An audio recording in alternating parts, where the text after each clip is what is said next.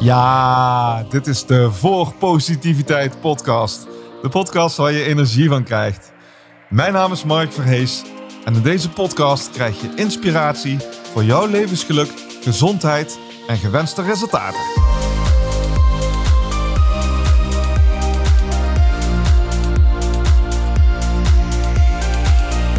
Voor positiviteit. Welkom, wat fijn dat je luistert. Fijn dat je er bent. Ik wil het heel graag met je hebben over het omgaan met uitdagingen en mijn persoonlijke verhaal daarin. Mensen die me kennen, die weten wel dat ik een positief ingesteld persoon ben. Ik noem mezelf ook wel eens manisch positief. Dat wil zeggen dat ik eigenlijk overal wel weer een positieve draai aan geven en er ook wel een bepaald automatisme bij mezelf is. Ik ben heel vrolijk en heel energiek en heel uh, enthousiast vaak. En dat is heerlijk. Dus daar geniet ik ook heel erg van. Ik vind het ook echt ontzettend fijn om met mijn passie, mijn passie voor positiviteit en mijn passie voor positieve psychologie, om daarmee bezig te zijn. En dat kan ook gewoon. En ja, ik geloof in mogelijkheden. En wat dat betreft ben ik ook echt een optimist. Die gelooft dat ook alles dingen beter kunnen worden. En daar ook gewoon mijn best voor wil doen. Maar um, dat alles goed zal gaan, dat is natuurlijk niet zo. Want soms heeft het leven gewoon andere dingen met je in petto. En hebben afgelopen jaar heel erg gemerkt dat het een, een jaar was met hoogtepunten, echt fantastisch mooie hoogtepunten en diepe dalen. En als ik over, met de hoogtepunten mag beginnen, uh, voor positiviteit is vorig jaar echt gewoon een topjaar gehad. We hebben gemerkt dat in die moeilijke tijd uh, er heel veel behoefte was aan alles wat we deden. En dat was heerlijk om te ervaren dat wij onze positieve bijdrage daarmee van betekenis konden zijn. En dat alles zo met zo'n liefdevolle open armen werd ontvangen. Dus dat heb ik als, als uh, bijzonder fijn ervaren. Maar daarnaast was voor mij op persoonlijk vlak het een heel intens jaar, een heel heftig jaar. En dat begon eigenlijk met mijn moeder die in het begin van het jaar ziek was. Zij had de ziekte van Kaler, een soort van uh, botkanker. En door alle chemokuren die ze gedaan had, was haar conditie werd steeds slechter. En toen haar conditie echt op een, op een, op een heel laag niveau was, kwam op een gegeven moment corona naar Nederland. En toen dachten we nog van nou weet je, we moeten er in ieder geval voor zorgen dat Ma geen corona krijgt. In haar fysieke conditie, fysieke omstandigheid. Dat is echt een heel slecht idee. En uh, ondanks dat we haar hebben proberen te beschermen van, van het virus en uh, het virus proberen buiten de deur te houden, kreeg het virus toch uh, grip op haar. En bleek zij eind maart corona te hebben. Ze heeft toen vervolgens vier dagen in het ziekenhuis gelegen. En daarna is zij komt overlijden. En daar zit je dan. Je moeder, waar je zoveel aan te danken hebt. Waar je zo ongelooflijk veel liefde van hebt mogen ontvangen. Die is er dan in één keer niet meer. En daar heb je dan wel mee te dealen. En ja, natuurlijk ga je dan door een periode van rouw en verdriet. En ja, daar gebeurt gewoon ontzettend veel een heel heftige, intense tijd. En ook voor mijn pa. Voor mijn pa was het ook gewoon heel heftig. Want mijn pa en ma hadden altijd een hele fijne relatie. Echt gewoon twee maatjes. Uh, ja, een twee-eenheid. Uh, het was altijd heel mooi om te zien hoe dat zij van houden van en, en trouwen echt werkwoorden hebben gemaakt. En er ook altijd mee bezig waren. Wat dat betreft ook echt een inspirerend voorbeeld voor mij zijn. En voor de relatie die ik met mijn vrouw heb. Maar mijn pa en ma hebben ook altijd samen ondernomen uh, eigen onderneming gehad. Uh, zijn, hebben samen gereisd, hebben samen de kleinkinderen opgevoed. En oh, ja, ze hebben eigenlijk altijd alles samen gedaan. Dus ja, als er dan eentje niet meer is, dan is het voor de ander natuurlijk echt loodzwaar. En tot op de dag van vandaag kan ik nog steeds niet heel goed indenken hoe zwaar dat echt voor ons paar geweest is. Dat het zwaar is geweest, dat hebben we in ieder geval wel gezien. Dat merkte ook in, in alles. En we probeerden voor een paar te zijn de afgelopen jaren. Dat, dat ging ook best wel goed. Alleen had gewoon heel veel pijn. Heel veel, heel veel last, last van wat er gebeurd was. En hoewel hij best wel het, ja, het weer initiatief nam en het, hè, er het beste van probeerde te maken, kreeg je op een gegeven moment ook uh, lichamelijke klachten. En dat resulteerde uh, in het einde van, uh, van de zomer dat, hij, eh, dat er echt onderzoeken werden gedaan naar zijn klachten rondom zijn maagstreek. En daar eigenlijk in bloedonderzoek en alle, alle onderzoeken die ze verder nog gedaan hadden, niks gevonden kregen. En het was echt een, een sluimerende pijn. En waarbij de huisarts op een gegeven moment zei van nou, we krijgen niks gevonden. Misschien is het een goed idee om uh, gesprekken met rouwverwerking te beginnen. En uh, zo gezegd, zo gedaan. mijn broer en ik vonden het ook gewoon een goed idee. En mijn pa had natuurlijk ook veel meegemaakt. En die gesprekken waren immer gaande, maar zijn pijn werd op een gegeven moment alleen maar heftiger, intenser. En toen heeft hij toch weer besloten om uh, weer opnieuw naar het ziekenhuis te gaan, MRI-scan gedaan. En bleek dat uh, hij kanker had, uitgezaaide kanker had in zijn lever. En dat er op dat moment nog onduidelijk was wat de primaire bron van de kanker was. Dus dan ging ze naar op zoek met de CT-scan. En een paar dagen later zaten mijn broer en ik uh, samen met mijn pa in het ziekenhuis bij de oncoloog. En wisten de oncoloog te vertellen dat uh, mijn pa alvleesklierkanker had met uitzaaiingen naar de, naar de lever.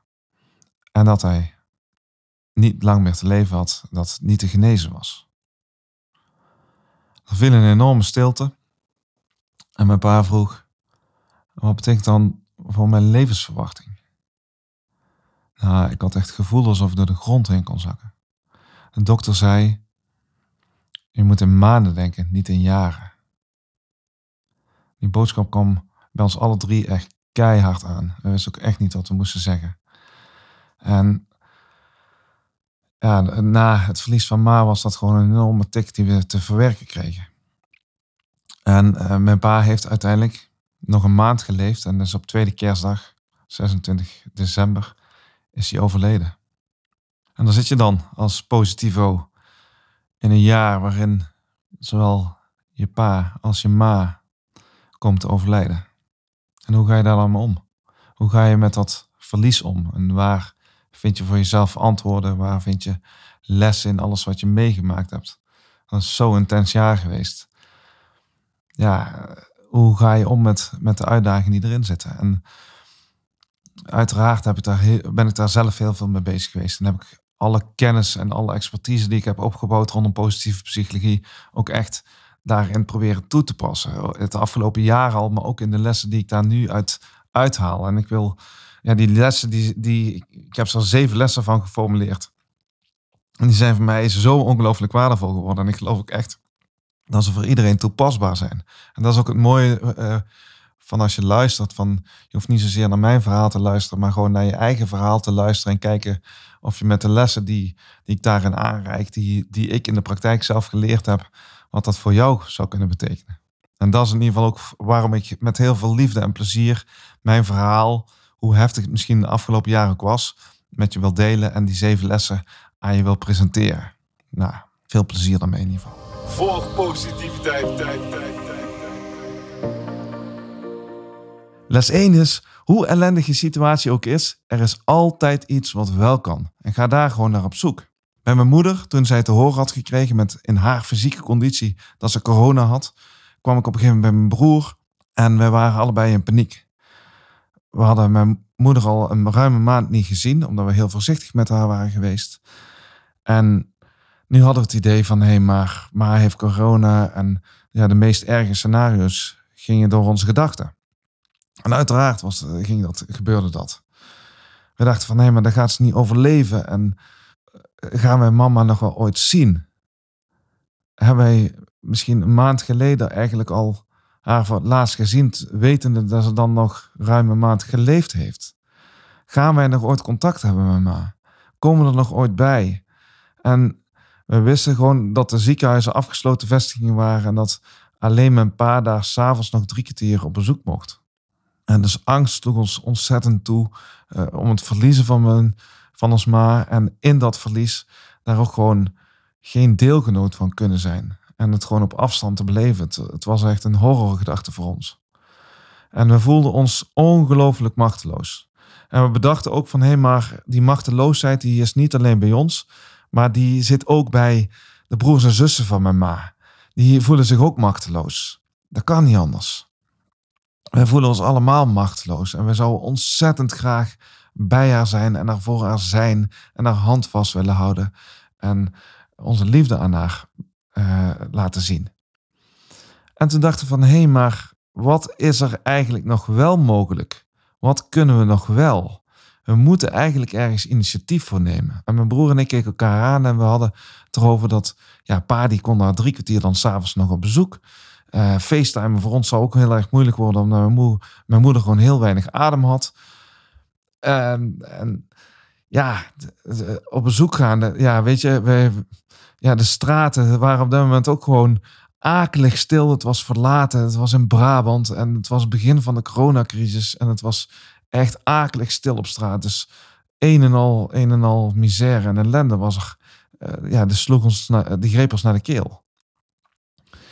En in die tijd waren we dus ook gewoon echt op zoek naar van... hé, maar wat kan er wel? En we, ja, mijn pa die kon dus nogmaals... kon dus drie kwartier s'avonds daar op bezoek. En we dachten van, hé, maar als we pa nou eens iets meegeven. Als we pa nou laten blijken, een, een blijk van liefde, van, van liefde ook van broers en zussen, van iedereen die achter haar staan en met haar meeleven, iedereen die geschokt is, maar die wel gewoon iets wil doen, iets wil laten horen. Als we daar gewoon een mogelijkheid voor gaan creëren. En toen bedachten van, hé, maar wat als we nou eens gewoon dus hele korte filmpjes gaan opnemen. Gewoon liefdevolle boodschappen, warme boodschappen. Van, hé, hey, we zijn er, we denken aan je, we geloven in je, we houden van je, we steunen je, we zijn er voor je.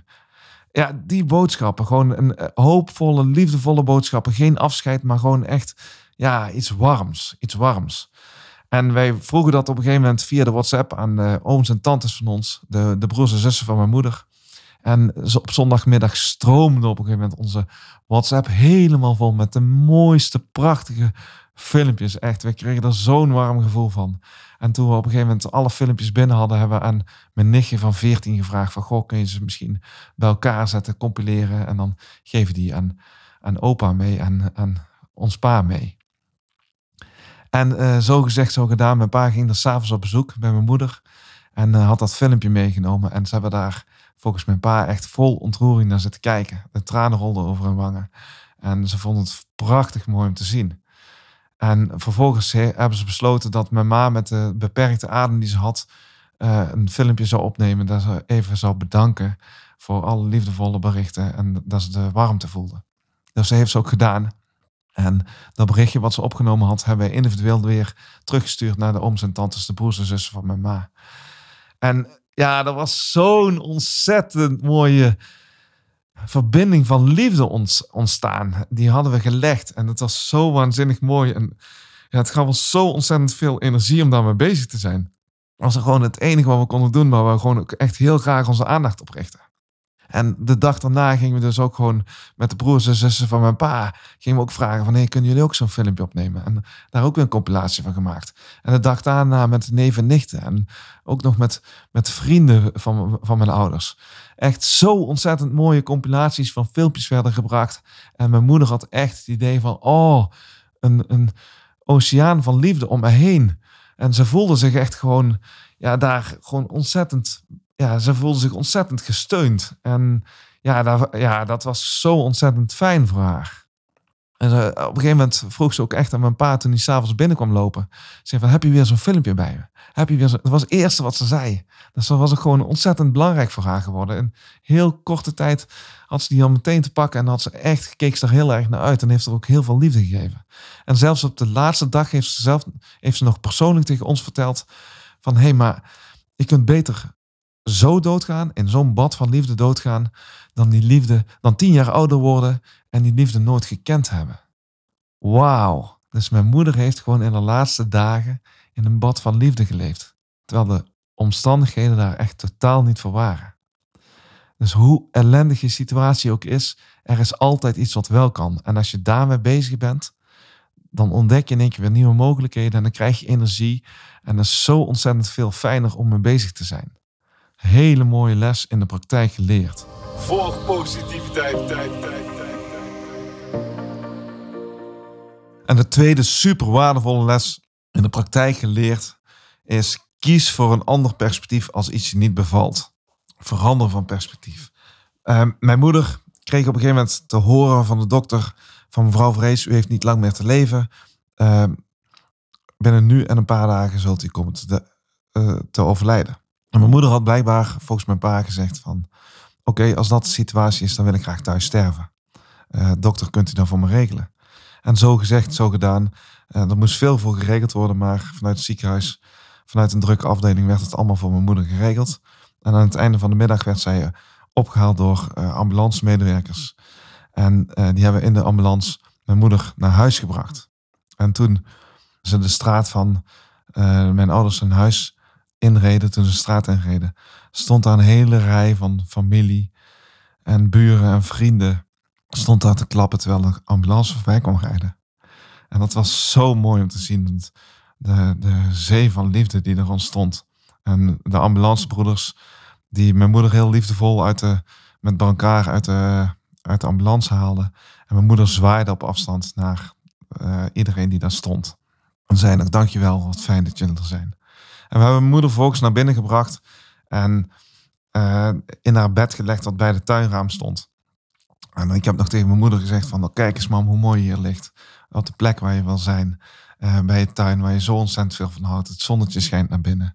Je kunt hier eigenlijk de vogeltjes uh, bij de boom gaan zien de komende dagen. En um, wat, is het, wat is dat fijn dat je hier bent. En mijn moeder knikt ook naar, naar me. En, en zag dat het goed was. Ze, keek, ja, ze genoot er ook al heel erg van op dat moment. En mijn pa zag eigenlijk ook wel dat uh, het met haar wel moeilijk ging. Ze, ze ademde al heel erg moeilijk, zat zwaar. En mijn pa zei ook van, nou goh, ga maar lekker even rusten. Uh, ga maar even slapen. En dan spreken we elkaar straks wel weer. Niet wetende dat dat het laatste moment zou zijn dat we echt gewoon contact met mijn moeder hadden.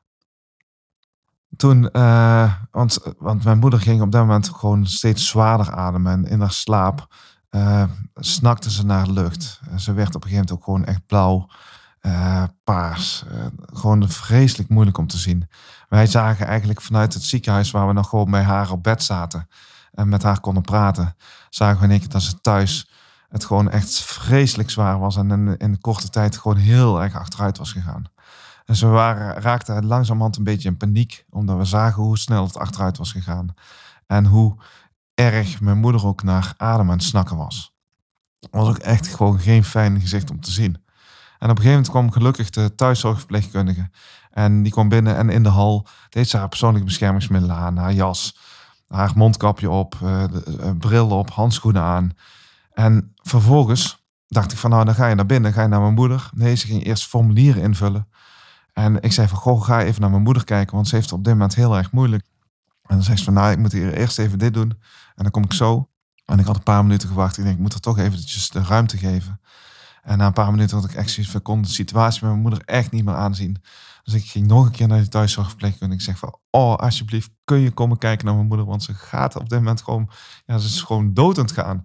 Kom alsjeblieft even kijken. En ze zei, oh, een klein ogenblikje geduld, klein ogenblikje geduld. Ik moet nog even dit doen.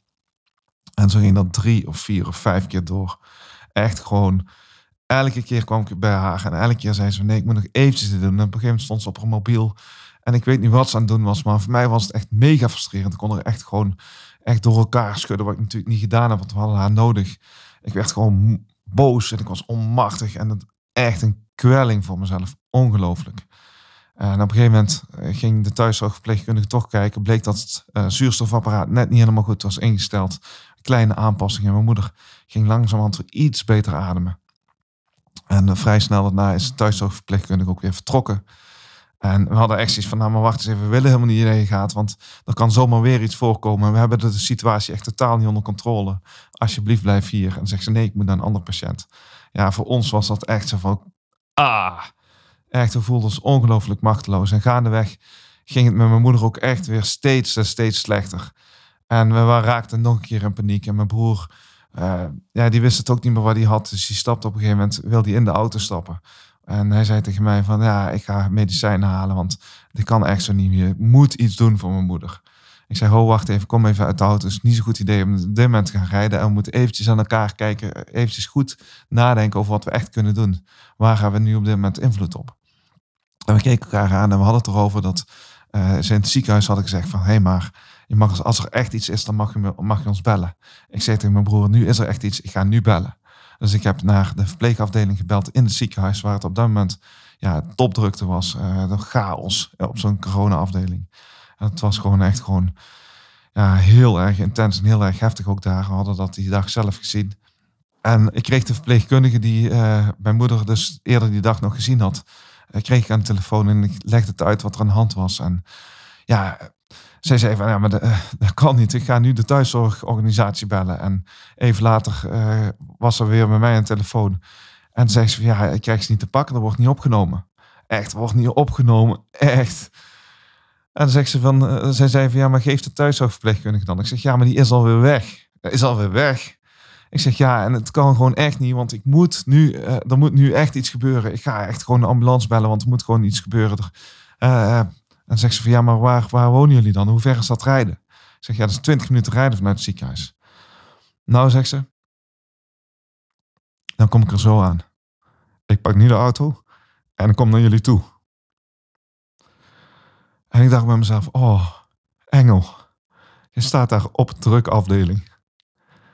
Je weet niet hoe je alles gered krijgt. En je besluit op dit moment om te doen wat nodig is. En van die afdeling af te komen en 20 minuten te rijden naar mijn moeder. En ze komt 20 minuten later komt ze aan.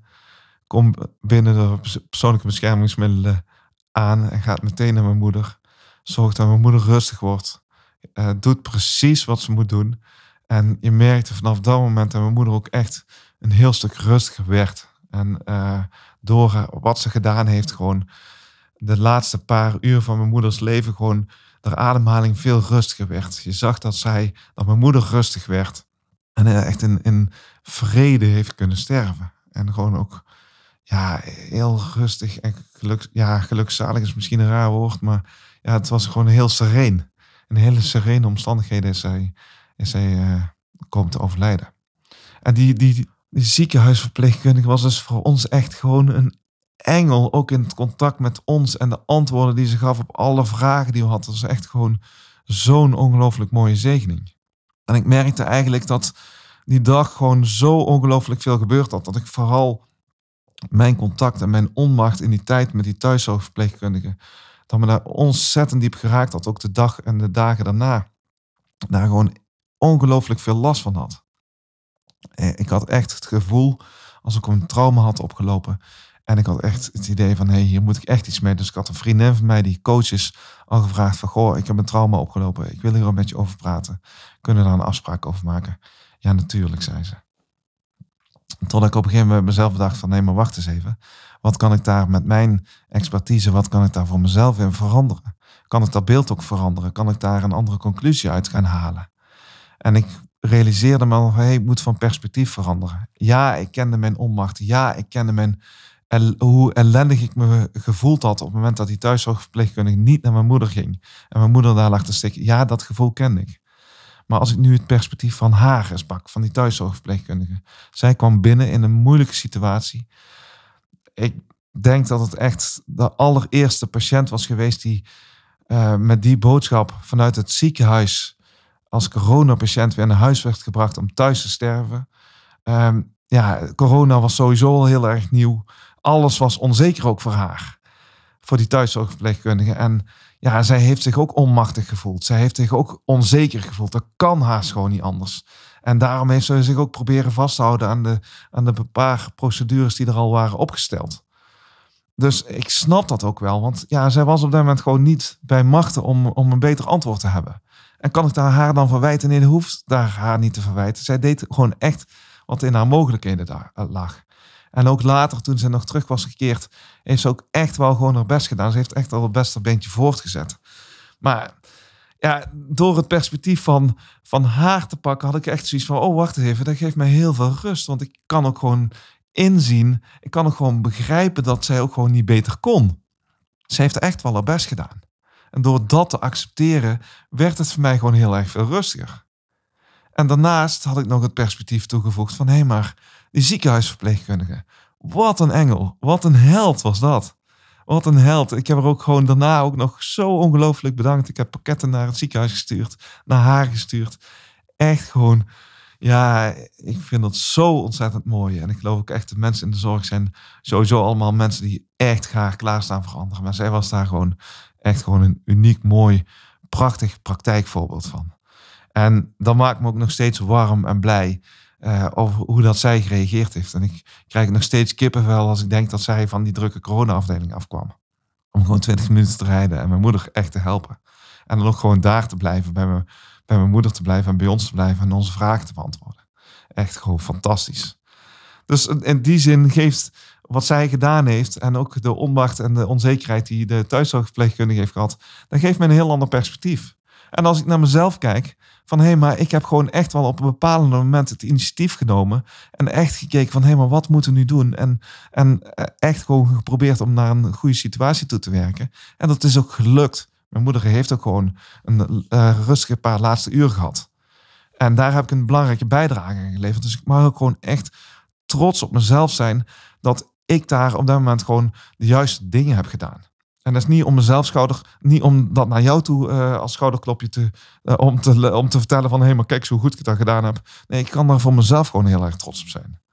En die perspectieven die ik daarin veranderd heb met die thuiszorgverpleegkundige, het perspectief wat ik van die ziekenhuisverpleegkundige en mijn eigen perspectieven, trots uh, die ik naar mezelf toe kan uitspreken daarover heb, ja, dat, dat maakt het voor mij gewoon totaal acceptabel.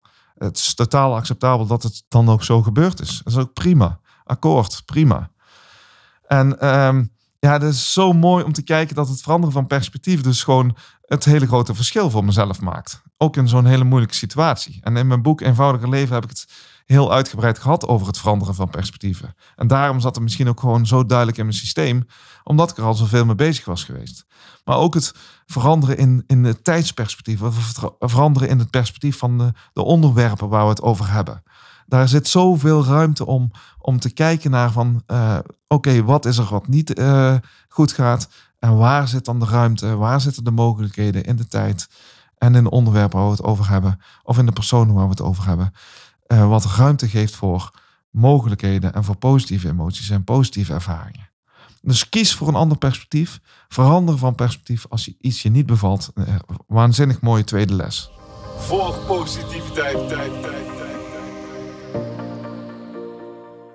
Ja, en dan komen we bij de derde les. En die vind ik zelf ontzettend mooi. Uh, heeft voor mij heel erg te maken met als er iemand niet meer is. Mijn moeder was komen te overlijden. Ja, natuurlijk uh, doet dat pijn. En natuurlijk, weet je, die, die liefde die je van je moeder gekregen hebt. Uh, die was zo onvoorwaardelijk en zo puur en zo mooi.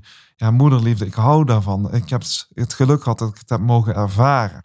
En de derde les voor mij is dan ook gewoon: neem het goede met je mee als ik aan mijn moeder denk en ook de dagen na het overlijden, uh, kreeg ik gewoon heel sterk het beeld van hé, maar ik mag gewoon ontzettend dankbaar zijn voor de moeder die zij voor mij is geweest, voor hoeveel ze voor mij betekend heeft. Als er iemand echt onvoorwaardelijk van mij gehouden heeft, altijd voor mij door het vuur zou gaan, echt alles voor me over zou hebben, in welke situatie dan ook, dan was het mijn moeder. Als er iemand echt waanzinnig trots op mij was, dan was het mijn moeder. Uh, ik denk dan eh, met heel veel liefde aan het voorbeeld van uh, met, met het presenteren van mijn tweede boek, het lanceren van mijn tweede boek, The Vibe. Hadden wij een theater afgevuurd in, in, in Amersfoort, Theater de Flint. Er zaten 800 mensen in de zaal. En ik stond op het podium en de, de lampen schenen vol op mij. Maar er was één iemand in de zaal die gaf echt licht. Die gaf licht uit haarzelf. En dat was mijn moeder. Mijn moeder zat daar op de eerste rij, midden vooraan. En mijn moeder zat daar echt ongelooflijk trots te zijn. En ja, het is zo fijn als je die, die trots van je moeder gewoon gevoeld hebt. En ik merkte ook in de dagen daarna, na het overlijden van mijn moeder, van hé, hey, die onvoorwaardelijke liefde en die trots van mijn moeder, die zal ik altijd blijven herinneren. Die zal ik altijd met me mee blijven dragen. En ik weet nog dat we, ik vond het in die tijd heel fijn om, om met Ma te praten. En mijn broer vond het ook heel fijn. We stonden op een gegeven moment, allebei stonden we bij de kist van mijn, uh, van mijn moeder, bij het uitvaartcentrum. Ik stond links van de kist en mijn broer stond rechts van de kist. En ik was tegen mijn moeder aan het vertellen. En ik zei van mam, ik, ik wil je echt zo graag bedanken. Ik wil je zo graag bedanken voor alles wat je voor mij betekend hebt. Die onvoorwaardelijke liefde. En die trots, mam. Ik, ben, ik heb zo gevoeld hoe trots je op mij bent geweest. En ja, weet je, dat was zo onvoorwaardelijk en zo puur en zo groots. Echt, mam, zo trots kan ik op mezelf toch echt nooit zijn. Oh, maar misschien, mam, is het wel de bedoeling dat nu jij er niet meer bent, misschien is het wel gewoon een goed idee als ik dan wat meer trots op mezelf word. Als ik die trots van jou met me meeneem. vind je dat een goed idee, mam? Vind je dat een goed idee? En als je dat echt een goed idee vindt, geef maar even een signaal. En ik keek rond en ik zag de airco uh, die daar boven de kist hing. En ik zei van mam, zet de, zet maar even uit als je kunt. En vergeef in ieder geval maar een signaal. En ik hield mijn mond en vijf seconden later viel er een roos uit een bloemstuk wat al dagenlang langs de kist van mijn moeder stond. Die roos viel op de grond voor de voeten van mijn broer. En mijn broer pakt die roos op en zegt van, kijk mam vindt het een goed idee. Mam geeft antwoord, je mag gewoon wat trots op jezelf zijn. En dat is echt zo'n mooie boodschap van, hey, die trots die, ja, die mag gewoon op mezelf zijn. En ik geloof ook echt dat het voor iedereen gewoon heel erg belangrijk is om trots op jezelf te zijn. Trots op wie je bent en trots op wat je doet. Zo ontzettend belangrijk. Geeft je zo enorm veel meer energie. En als je dus het geluk hebt gehad, zoals ik, dat je heel veel liefde en heel veel trots hebt mogen ervaren. En als die persoon er dan niet meer is, neem dan die ervaring met je mee. Het zit in je systeem. En dat is zo ontzettend mooi. Neem het goede met wat je gekregen hebt mee. En uh, als ik kijk naar onvoorwaardelijke liefde, mijn moeder had onvoorwaardelijke liefde voor mij. En daarna ben ik heel erg gaan nadenken van, hé, maar hoe onvoorwaardelijk is mijn liefde voor anderen? Hoe onvoorwaardelijk is mijn liefde voor mijn, voor mijn prachtige vrouw? En zitten daar misschien toch wel voorwaarden aan? En als er voorwaarden aan zitten van, hé, hey, maar hoe kan ik die voorwaarden wat terugdringen? Want ik wil eigenlijk gewoon heel graag ook zo onvoorwaardelijk van andere mensen houden. Van mijn, in ieder geval van mijn vrouw en van mijn broer en van zijn vrouw en mijn schoonzus en van mijn neefje en mijn nichtje en van alle uh, familie aan de andere kant van de familie. En gewoon uh, überhaupt de hele familie en vrienden die ik heb. Alle mensen om me heen. Hoe onvoorwaardelijk kan ik van anderen houden? Het is gewoon een waanzinnig mooie vraag van hey, hoe onvoorwaardelijk kun je dat maken voor jezelf? Of zitten er ergens gewoon toch voorwaarden aan? En hoe eerlijk is dat om voorwaarden te hebben in liefde naar anderen? Dus onvoorwaardelijke liefde is in die zin echt een supermooi thema om zelf mee bezig te zijn. Neem het goede met je mee is echt een mooie les voor mij. Volg positiviteit, tijd, tijd, tijd, En dat brengt me bij de vierde les. Laat je oordeel over wat er niet meer is los. En die les heb ik heel erg geleerd in de tijd dat mijn pa te horen kreeg in het ziekenhuis dat hij niet lang meer te leven had. Mijn pa en ik reden vervolgens naar huis toe. En uh, even later stonden we met z'n zevende rondom de eetkamertafel. Dus mijn pa, ik en mijn vrouw, mijn broer en zijn gezin. Waren met z'n zevenen. En het eerste moment dat we met z'n zevenen bij elkaar waren, nam mijn pa het woord. En hij zei van, ja, het is natuurlijk vreselijk, vreselijk, vreselijk wat we vandaag te horen hebben gekregen. En ik weet dat ik niet heel lang meer te leven heb. Maar van de tijd die ik nog te leven heb, in die tijd mogen we best verdriet hebben, we mogen best huilen. Maar we gaan ook lachen. We gaan ook plezier maken. We gaan herinneringen ophalen. We gaan leuke dingen doen samen. We gaan er echt een mooie, waardevolle, kostbare tijd van maken samen. En dat was zo indrukwekkend. Ik krijg nog altijd kippenvel aan het moment dat ik denk van... Mijn pa had net te horen gekregen dat hij niet lang met te leven had. En hij pakt op zo'n moment het woord. En hij zet meteen de toon voor de rest van, van zijn leven. Van de tijd die hij nog had. Echt zo ontzettend mooi. En het hele bijzondere was ook echt, hij bracht het in de praktijk. Ik vertelde hem later uh, dat uh, het bizarre van die dag was dat we te horen hadden gekregen dat pa ongeneeslijk ziek was en dat hij niet lang meer te leven had. En dat het op dezelfde dag was als onze meest succesvolle dag ooit. Het was een zakelijk echt gezien een topdag. Echt gewoon niet te vergelijken met andere dagen. Ja, en sommige dagen ja, het lijkt wel toeval, maar dat komt dan bij elkaar. En ik zeg tegen mijn pa van, ja, maar pap, het zegt me echt zo weinig. Het zegt me echt zo weinig, want ik zou zo graag dat succes, die topdag, zakelijk gezien, die zou ik zo ongelooflijk graag willen inruilen. Ik zou die zo graag willen inruilen voor dat jij weer gewoon gezond bent en dat je gewoon nog heel lang in ons midden bent, pap. Alsjeblieft, ik zou het zo graag willen inruilen. En mijn pa zei, ja, maar Mark, dat kan helemaal niet. Dat kan helemaal niet. Je kunt het niet inruilen. Het zijn twee afzonderlijke dingen. En ja, het is vreselijk wat ik te horen heb gekregen. Maar je mag echt blij zijn en trots zijn op wat je met vol positiviteit allemaal doet. en wat je bereikt. En ook dat zakelijk gezien vandaag zo'n zo'n zo'n topdag is. Ik ben echt ongelooflijk trots op je en ik ben blij met je. Ik ben blij dat het zo ontzettend goed gaat. Ik vind dat echt heel erg fijn. En hij bewees dat ook door later op de dag nog tegen mijn, tegen mijn broer te zeggen van... Oh, moet je eens horen hoe fantastisch goede dag Mark heeft gehad. En eh, Mark en Marielle hebben gehad met, uh, met voor positiviteit vandaag. Echt waanzinnig. Ik ben zo trots op ze. Ja, dat is echt zo bijzonder om dat op zo'n moment te horen van je pa, die dus twee dingen gewoon ja, afzonderlijk van elkaar kon zien. En ik heb ook geleerd dat je die positieve dingen eigenlijk ook gewoon heel erg nodig hebt. En dat het gewoon echt onzinnig is om te denken van, ja, maar uh, dat mag er niet zijn of daar mag je niet blij om zijn. Ja, mijn pa zei, je moet gewoon echt zeker nog blij zijn om de dingen die goed gaan. En je mag zeker blij zijn om alle plezier en energie die je hebt. En we willen, ik wil ook echt heel graag lachen en ik wil heel graag fijne herinneringen ophalen. En ik wil graag mooie gesprekken voeren met iedereen. Dus laten we vooral vooruit gaan. Laten we er gewoon een mooie tijd van maken. En dat lukt alleen maar als je loslaat wat had moeten zijn en geniet van wat er nu is. En voor mij geldt dat, die les nu ook gewoon in mijn leven. Mijn, allebei mijn ouders zijn er niet meer. En ik kan me heel erg druk maken over dat ze maar 71 jaar zijn geworden en eigenlijk misschien nog veel ouder hadden kunnen worden. En we ze nog veel langer in ons midden hadden kunnen hebben. En dat ik nog zo ontzettend veel leuke dingen met ze hadden kunnen doen. En dat ze nog zo ontzettend veel meer van mij en van um, mij, en mijn vrouw en, en van iedereen had kunnen meemaken. En ja, dat telt allemaal niet. Dat telt allemaal niet, dat boeit helemaal niet. Ze zijn 71 jaar geworden, punt, klaar. Uh, er is een nieuwe tijd aangebroken. Er is een nieuwe tijd aangebroken. En ik ga niet bezig zijn met wat had moeten zijn of hoe het eruit had moeten zien. Want alles wat ik daar in uh, mijn aandacht naartoe laat gaan, zorgt dat ik me heel erg afhoud van alles wat er nu wel is. En wat er nu wel is, is dat ik een fantastisch mooie vrouw heb. En ik een broer heb waar ik onvoorwaardelijk van hou. Waar ik echt gewoon een broederband mee heb. Wat echt fantastisch is.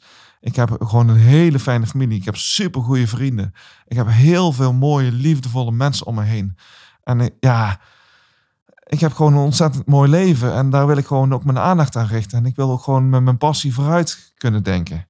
En dat lukt alleen maar als ik mijn oordeel over wat had moeten zijn gewoon loslaat. Gelukkig, geluk ontstaat wanneer je loslaat wat had moeten zijn en geniet van wat er nu is. En dat is er ook gewoon. En daar geniet ik gewoon intens van. Dat helpt me ook. Volg positiviteit, tijd, tijd, tijd. Wauw, en dat brengt me dus ook bij een les die daar heel dichtbij ligt. Is van wat er ook gebeurt, geniet van wat er goed gaat. Wat er ook gebeurt, geniet van wat er goed gaat. Les 5 in de praktijk geleerd. Mijn pa die heeft echt zo ontzettend genoten van zijn laatste maand. Hij heeft gelachen, hij heeft plezier gemaakt, hij heeft eh, voor bijzondere gesprekken opengestaan. Hij heeft daar initiatieven voor genomen. Echt, het was zo ontzettend mooi om te zien. We hebben heel veel herinneringen opgehaald. We hebben diaprojectoren erbij gehaald en dia's erbij gehaald. Dia's gekeken van heel vroeger en verhalen gedeeld. En ja, dat was zo ontzettend mooi om te zien. Zo ontzettend mooi om te zien dat ja, het draait om die herinneringen en die ervaringen. En nieuwe ervaringen opbouwen samen in die tijd is ook gewoon zo ontzettend mooi. We hebben samen muziek geluisterd. We hebben echt gewoon een mooie tijd gehad. En mijn pa die had ook echt mega veel humor in die tijd. Hij maakte de beste grappen en we lagen vaak helemaal in een scheur om hem. En hij zei de meest wijze dingen, waardoor we ook op een gegeven moment een notitieboekje erbij hebben gepakt en gewoon alle dingen die hij opschreef ook gewoon of alle dingen die hij zei ook gewoon zijn gaan opschrijven. Dat is gewoon zo ontzettend mooi. En ja, hij is gewoon echt gewoon volledige focus gehad op alle dingen die er goed gaan. En echt gewoon heel kostbaar mee je tijd omgaan. En ja, daar, daar is hij echt gewoon een meester in. En daar heb ik gewoon ontzettend veel van genoten. En hij heeft me ook gewoon laten zien dat alles wat ik altijd zeg rondom positieve psychologie, het gaat, draait om de verhouding tussen negatieve en positieve emoties. Negatieve emoties mogen er best zijn. Maar alsjeblieft zorg dat de positieve emoties er ook ten alle tijden mogen zijn. En besteed daar ook gewoon, laat er ook je aandacht naartoe gaan. Alles wat je aandacht geeft groeit. Dus hoe meer je aandacht richt op alles wat er goed gaat, hoe meer dat gaat groeien. En dat is zo ontzettend mooi. En die positieve emoties heb je dan nog gewoon echt nodig om met die negatieve emotie om te gaan. Om met alles wat er negatief is, om dat een plekje te kunnen geven. Uh, je herstelt je, je veerkracht, vind je echt ook alleen maar in die positieve uh, dingen die er zijn, of die er mogelijk zijn. Dus ja, en het voordeel van, van één maand, uh, een paar maar korte tijd te leven had, is gewoon duidelijkheid. En duidelijkheid is van dat ja, je, kunt gaan afscheid nemen. Je kunt de liefde en betekenis voor elkaar gewoon heel erg duidelijk afspreken. Eh, bespreken ook. En we hebben zelfs in de laatste dagen hebben we nog allemaal dankbaarheidsbrieven naar mijn pa geschreven. En die hebben we ook echt aan hem voorgedragen. Is wat je normaal gesproken alleen op een uitvaart zult zeggen, hebben wij naar mijn pa gedaan. En dat is waanzinnig mooi en intens. En vooral gewoon ongelooflijk liefdevol. Mijn pa die zei op een gegeven moment ook echt van, ik, ik heb het gevoel alsof ik al in de hemel ben.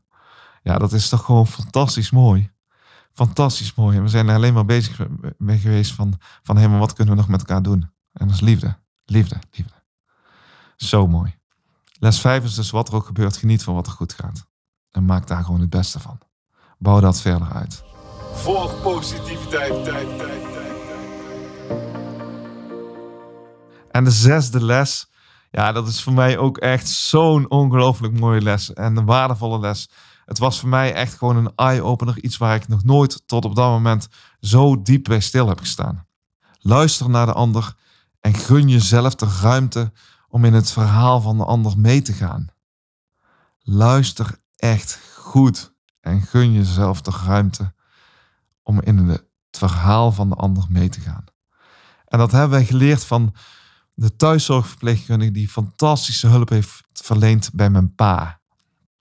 Mijn pa, na een paar weken nadat hij de, te horen had gekregen dat hij niet lang meer had, of langzamerhand, het ging steeds sneller achteruit eigenlijk, en hij kreeg pijnaanvallen. Echt intense pijnaanvallen. En dat was op een maandagavond, kreeg je ook zo'n enorme pijnaanval. En hij lag in eerste instantie op het bed wat we in de woonkamer hadden gezet, in de hoek van de woonkamer. En op een gegeven moment, je merkte dat hij aan het draaien was, aan het keren was. En hij ging op een gegeven moment op de hoek van zijn bed op de rand van zijn bed zitten. En hij wist niet welke kant, welke houding hij moest aannemen. En ja, hij was gewoon echt, je zag gewoon aan hem dat hij in zijn hoofd in paniek was. Chaos in zijn hoofd. En hij zei ook dingen als van, ja, zo hoeft het voor mij niet meer. Ik heb zo vreselijk veel pijn, er moet nu iets gebeuren. En geef me maar een spuitje, want het is echt gewoon, het kan zo niet langer. Nou, dat is echt vreselijk om te zien. Heel intens, heel intiem ook om dat samen mee te maken. Maar we hadden ook echt zoiets van, oh, er moet een oplossing komen. Er moet een oplossing komen. En we hebben op een gegeven moment hebben wij eh, de thuiszorgverpleegkundige gebeld. Die eigenlijk pas de volgende dag voor het eerst zou komen. Ze, zou, ze stond ingepland voor, voor die dinsdagmiddag. En we hebben daar maandagavond laat hebben we daar al gebeld. En we hebben de situatie uitgelegd dat mijn pa zoveel pijn had. En zij zei, oh, dan kom ik nu al. Dan kom ik nu al. En zij kwam een kwartier later, belde ze aan. En ze kwam binnen. En zij deed haar mondkapje op. In een wildvreemde huis kwam zij binnenlopen. En eh, ze zei, waar is je pa? En ik zei, die in de woonkamer. Dus ik begeleidde haar naar de woonkamer. En ze zag mijn pa. En ze ging direct naast mijn pa zitten. En met de heupen tegen elkaar, dicht bij elkaar. En ze zei, goh meneer Vrees, zeg het maar, wat is er aan de hand? Wat gebeurt er allemaal met u? En mijn pa was aan het vertellen en hoeveel pijn het hij had. En hoeveel echt uit alles bleek weer dat hij nog steeds gewoon heel veel chaos in zijn hoofd had. En niet met zijn pijn overweg kon. En, en in die zin ook gewoon in paniek was. En hij was aan het vertellen en hij zegt, onder andere zei hij van... Ja, en de doktoren beloven maar dat ik geen pijn kan hebben, eh, pijn hoeft te hebben en dat het allemaal beheersbaar is. En dat is echt gewoon onzin, want ik heb echt gewoon enorme pijnaanvallen en ik word er echt, ben er helemaal klaar mee. En Sylvia, de thuiszorgverpleegkundige, zei: Ja, de doktoren kunnen dat ook niet beloven. Ze kunnen dat niet beloven.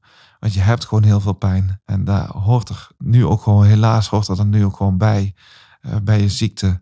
En ik zie het ook gewoon hoeveel pijn dat je hebt. Dus ze kunnen je ook niet beloven, ze kunnen dat niet waarmaken. En Sylvia zei dat tegen mijn pa en de ogen van mijn pa die gingen helemaal open. Hij keek echt op en hij keek naar Sylvia en hij zei, oh, zegt hij.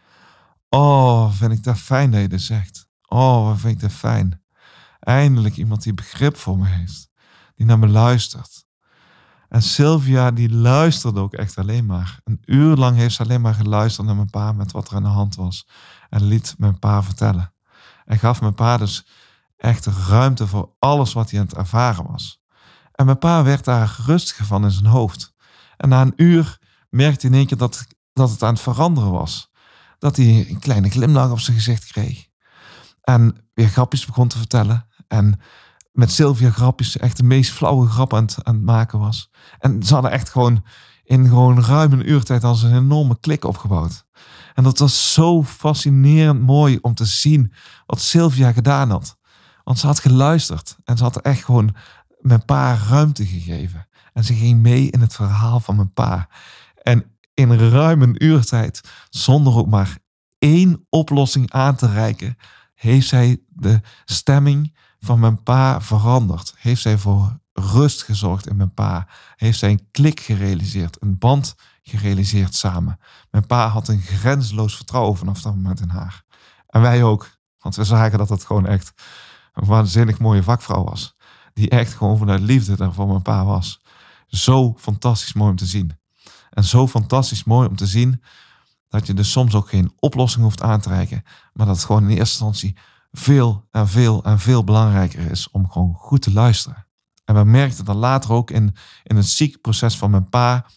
Toen hij op een gegeven moment niet meer kon eten en niet meer kon drinken, vonden mijn broer en ik dat moeilijk om te zien. En natuurlijk wil je dan oplossingen aanreiken. We waren bezig met van, hé, maar papa, als je dit nog probeert. Of als je bijvoorbeeld vanillevla nog gaat eten. Of als je, uh, hoe gaat een boterham voor je vallen? Of als je een heel klein beetje water drinkt. Papa, als je een heel klein beetje, al maak je je, je tong daar maar, maar vochtig mee. Laat een heel klein beetje binnenkomen. En we merkten bij mijn pa dat dat gewoon verzet, uh, ja, tot verzet leidde. En toen we op een gegeven moment toch weer een beetje gepusht hadden om iets te doen, zagen we ook gewoon hoeveel pijn en hoeveel lasten die valt. We zagen zijn pijn en we hadden echt iets van, oh, dat kan niet meer. Dat kan niet meer. En toen zei ik ook tegen mijn broer van, we moeten hiermee stoppen. We moeten hiermee stoppen met oplossingen aanreiken. We moeten mee stoppen van om met allerlei dingen adviezen aan te reiken. Want het gaat gewoon niet. We moeten gewoon veel beter luisteren. Veel beter luisteren naar hoe het met pa gaat en in dat verhaal meegaan. En het mooie was eigenlijk dat het ook een beetje de toon werd in die, in die laatste paar weken van mijn pa. Mijn pa kreeg op een gegeven moment heel erg de behoefte om alle spullen die hij achter zou laten, om die mee te geven en een bestemming, te zorgen dat hij een bestemming kreeg waar hij gewoon blij van werd. Zo onder andere het gereedschap waar hij altijd zo, zo, zo zuinig op was geweest. Hij had echt gewoon waanzinnig mooi gereedschap. En hij, vond het, hij zou het een heel fijne gedachte vinden als, dat nou, als ik dat zou gaan gebruiken. En in eerste instantie was ik echt helemaal niet bezig met spullen. En ik had echt zoiets van, pap, daar wil ik helemaal niet over praten. Echt gewoon, daar, zoeken wij later wel uit. Hè, ik bedoel, eh, echt, die spullen interesseren me helemaal niet. En toen dacht ik later over na en denk van, oh, wacht eens even. Ben ik nou in het verhaal van mijn pa meegegaan? Nee, ik ben niet in het verhaal van mijn pa meegegaan. Want hij geniet ervan als hij weet welke bestemming het krijgt. Dus ik ging naar mijn pa toe. Ik zeg, pap, sorry, maar ik, ik zou gewoon ontzettend blij zijn. Ik ben gewoon ontzettend dankbaar als ik al jouw gereedschap zou mogen krijgen. En ik weet zeker dat ik daar met heel veel plezier en heel veel liefde mee aan de slag ga later, als jij er niet meer bent. En als ik daarmee aan de slag ga, dan vind ik het gewoon een ontzettend fijne gedachte dat ik met jouw gereedschap aan het klussen ben. En dan zal ik aan je denken, zo liefdevol aan je denken. Uh, dat is gewoon ontzettend fijn. Dus ik ben er heel erg dankbaar voor. Pap, dank je wel dat je dat me wil geven. Uh, en ik zag mijn pa genieten. Hij fleurde helemaal op van, van de boodschap dat ik daarin meeging. En ik denk van ja, weet je, dat is ook gewoon de les. En in het afscheid nemen van een dierbare, iemand die doodgaat, iemand, degene die doodgaat, die loopt voorop. En als, als begeleider, als, als nabestaande, is het gewoon de uitdaging om in dat proces mee te gaan. En we ervaren eigenlijk van hey, hoe meer we met het spa meegingen en hoe meer we in zijn behoeften meegingen, hoe makkelijker het voor onszelf ook werd. Want we stonden gewoon heel erg dicht bij hem. En uh, we, stonden, we waren daar ook heel open in de, in de pijn en het verdriet. En we waren heel erg open in het, in plezier. En aan het einde van mijn pa's leven kon ik ook echt tegen mijn pa zeggen van pap, het is goed zo. We zien dat dit het einde is. En voor ons is het oké. We zijn akkoord. Het is goed zo. En ja, ik geloof ook echt dat als je echt goed luistert en meegaat in het verhaal, dat, het ook echt de mooiste boodschap is van nee, ik zal er voor je zijn. Ik zal er echt voor je zijn. Ik zal er echt voor je zijn. En ik zal, als er geen oplossingen zijn, zal ik niet nieuwe oplossingen aandragen. Ik zal niet nieuwe tips aangeven. Ik zal niet nieuwe, nieuwe adviezen eh, voor je, voor je brengen. Ik zal gewoon naar je luisteren en kijken naar wat je zelf nodig hebt. En, en daarna luisteren is gewoon zo ontzettend veel waardevoller. Dat is een zo'n mooie vorm van ik zal er voor je zijn. En ik zal je uh, luisteren naar wat je nodig hebt en daar, uh, daar gaan meegaan. Dus die les, die intense les aan het einde van mijn pa's leven, luister naar de ander en gun jezelf de ruimte om met het verhaal van de ander mee te gaan, is zo'n mooie les. En die wil ik ook echt elke dag zelf ook in de praktijk brengen. Volg positiviteit, tijd, tijd. En dan komen we bij de laatste les, les 7. Les wat ook echt een van mijn favorieten is. Mijn pa was echt een meester in wijsheid. Hij gaf al zo'n mooie wijsraad. En zijn les, die wil ik heel graag met je delen. Als je situatie negatief verandert, maak dan nieuwe plannen. Neem nieuwe initiatieven en blijf dit ook vooral doen. Ik vind het echt zo'n ongelooflijk mooie les. En mijn pa is daar echt gewoon een, een fantastisch mooi voorbeeld in. Toen mijn pa, eh, mijn, mijn moeder dus was verloren. En heel erg intens verdriet had. Zij vond het altijd heerlijk om met de camper erop uit te trekken samen. Ze hebben echt de mooiste reizen gemaakt. Ze gingen in Zuid-Europa overwinteren. Echt gewoon, een, eh, ja, z- zij hielden van camperen. Maar in een camper dan, zit je, dan leef je heel erg dicht bij elkaar. Dus is ook echt alles, bij alles wat je doet, is heel erg op elkaar afgestemd. Dus mijn pa, op het moment dat hij zelf met de camper erop uittrok, was voor hem het meest pijnlijk ongeveer om te ervaren. Omdat hij in alles wat hij deed, ja, normaal gesproken afgestemd was op mijn moeder. En in alles wat hij deed, dus ook mijn moeder op dat moment aan het missen was. Maar hij zei op een gegeven moment tegen mij van... Ja, maar Mark, ik wil in de, in de winter wil ik weer gewoon weer kunnen overwinteren. Ik wil weer gewoon lekker met de camper erop uit kunnen trekken. Dat is mijn plan naar de toekomst toe. Ik wil gewoon weer met die camper weggaan. En als ik nu gewoon die kleine tripjes maak, die kleine tripjes in Nederland maak en die kleine tripjes maak met eh, de, de zussen van, van je ma, waar ze altijd heel graag mee deden camperen, dan helpt mij dat in het pad naar weer lekker met de camper zelf erop uit kunnen trekken. En dat helpt me in het pad van de nieuwe initiatieven die, die ik neem, de nieuwe plannen die ik maak. En mijn pa die was zo meester erin dat hij op een gegeven moment halverwege het jaar eh, zelf heeft besloten om een nieuwe camper te kopen. Hij zei echt tegen mij van Mark, ik, kan, ik ben 71 jaar, ik kan misschien nog 10 jaar, vooruit, 10 jaar camperen. En eh, dan kan ik beter nu gewoon een nieuwe camper kopen. Een camper die helemaal op de nieuwe situatie is ingesteld. En dan ga ik daar nog heerlijk lekker 10 jaar mee reizen. Heerlijk, ik geniet ervan. Het is echt zo ontzettend mooi dat hij gewoon nieuwe initiatieven nam. En ja, mijn broer en ik stonden echt vol respect eh, te klappen aan de zijlijn. Van pap, alsjeblieft, fantastisch mooi. Hoe goed dat je dat doet. Zo ontzettend mooi. En ook in zijn, in zijn laatste periode, hij merkte op een gegeven moment dat, dat zijn afscheid dichterbij kwam. Dat hij bijna dood zou gaan. En eh, we hebben hele gesprekken met de doktoren ook gevoerd over van... hé, hey, maar ehm, als het einde nadert, dan, hij wilde graag euthanasie. Maar dat was best wel moeilijk te regelen. En zei, oké, als euthanasie dan niet moeilijk is in de periode rondom kerst... dan eh, wil ik graag eh, eh, palliatieve sedatie. Dat ik een spuitje krijg en inslaap. En eh, dat mijn, leven, mijn lichaam het dan vanzelf gaat eh, opgeven. Maar mijn pa die begon daar zelf plannen voor te maken.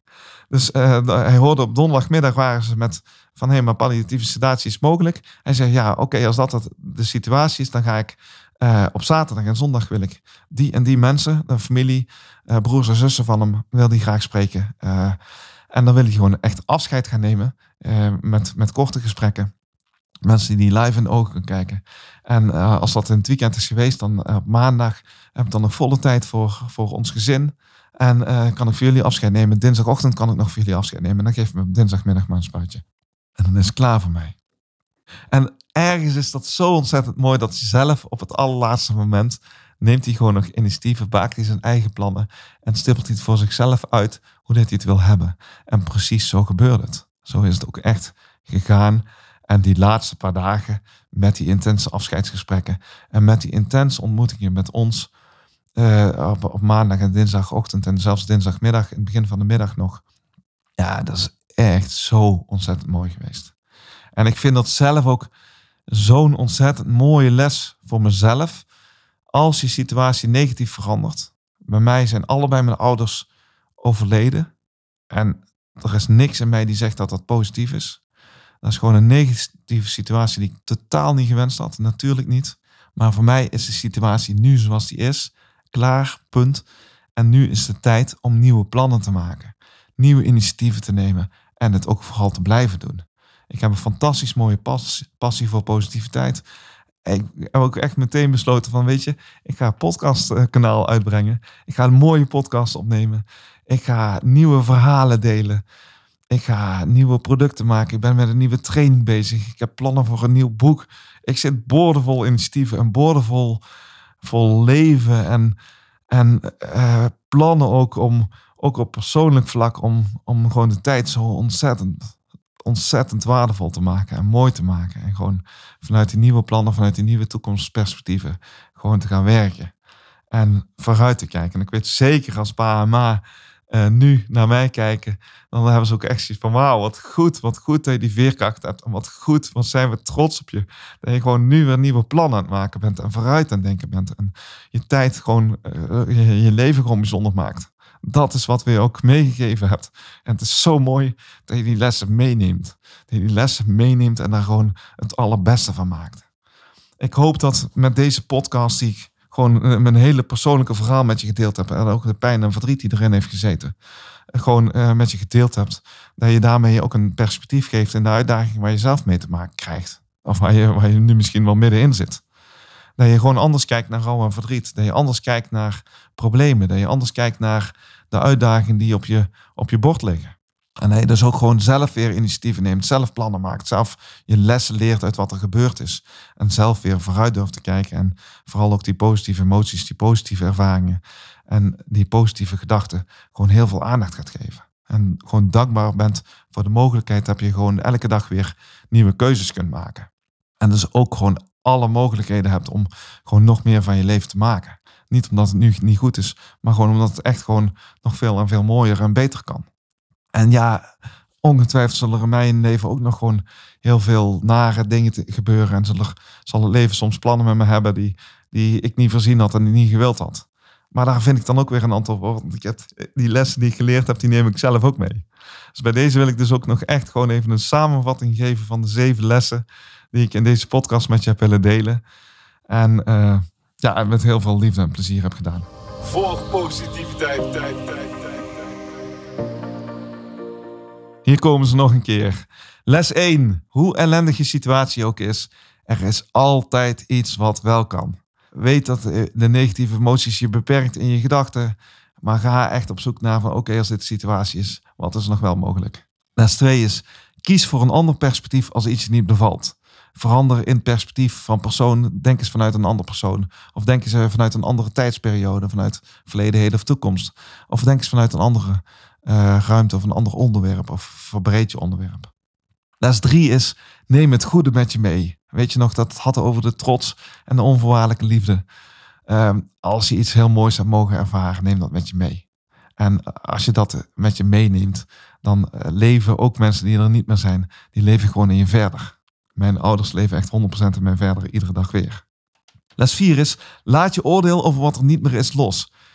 Geluk ontstaat wanneer je loslaat wat had moeten zijn en geniet van wat er nu is. En laat daar lekker je aandacht naartoe gaan. Les 5 is, wat er ook gebeurt, geniet van wat er goed gaat. Bouw verder op wat je goed kunt en ga daar meer mooie dingen mee doen. Eh, zorg dat daar je betekenis ook in gaat zetten. En les 6, mijn oh, intense les die ik geleerd heb. Mijn eye-opener. Luisteren naar de ander en gun jezelf ruimte om in het verhaal van de ander mee te gaan. Zo'n waanzinnig mooie les. Geef de ander ruimte. Geef jezelf ook de ruimte om er echt te luisteren. En niet meteen altijd met oplossingen en adviezen aan te komen. Gewoon echt gewoon eerst te luisteren en te kijken van waar iemand behoefte aan heeft. Per slot van rekening zal iemand anders toch alleen maar iets gaan doen omdat hij het zelf wil. En niet omdat jij het gezegd hebt. En les 7, de wijze raad van mijn pa, de meester. Als je situatie negatief verandert, Maak dan nieuwe plannen. Neem nieuwe initiatieven en blijf het ook gewoon lekker doen. Want hoe mooier je initiatieven zijn, hoe mooier je plannen zijn, hoe meer vreugde je daar nu al aan kunt beleven. En ik hoop in ieder geval dat je je leven gewoon echt vol vreugde en enthousiasme en positiviteit kunt, kunt laten zijn. En, en laat het gewoon lekker toe en laat dat ook gewoon lekker stromen. Dat is wat je gun en dat is ook waarom ik met zo ontzettend veel plezier en energie ook deze podcast maak. Dankjewel in ieder geval voor het luisteren daarnaar. Wauw.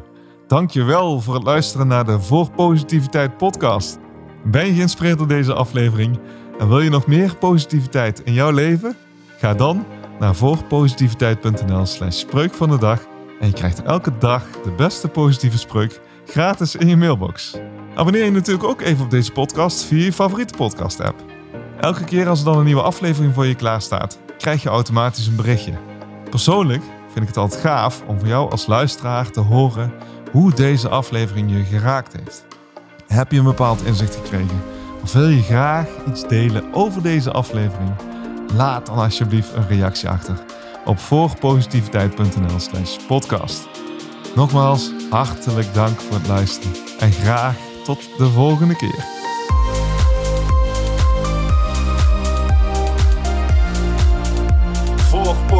Volg positiviteit.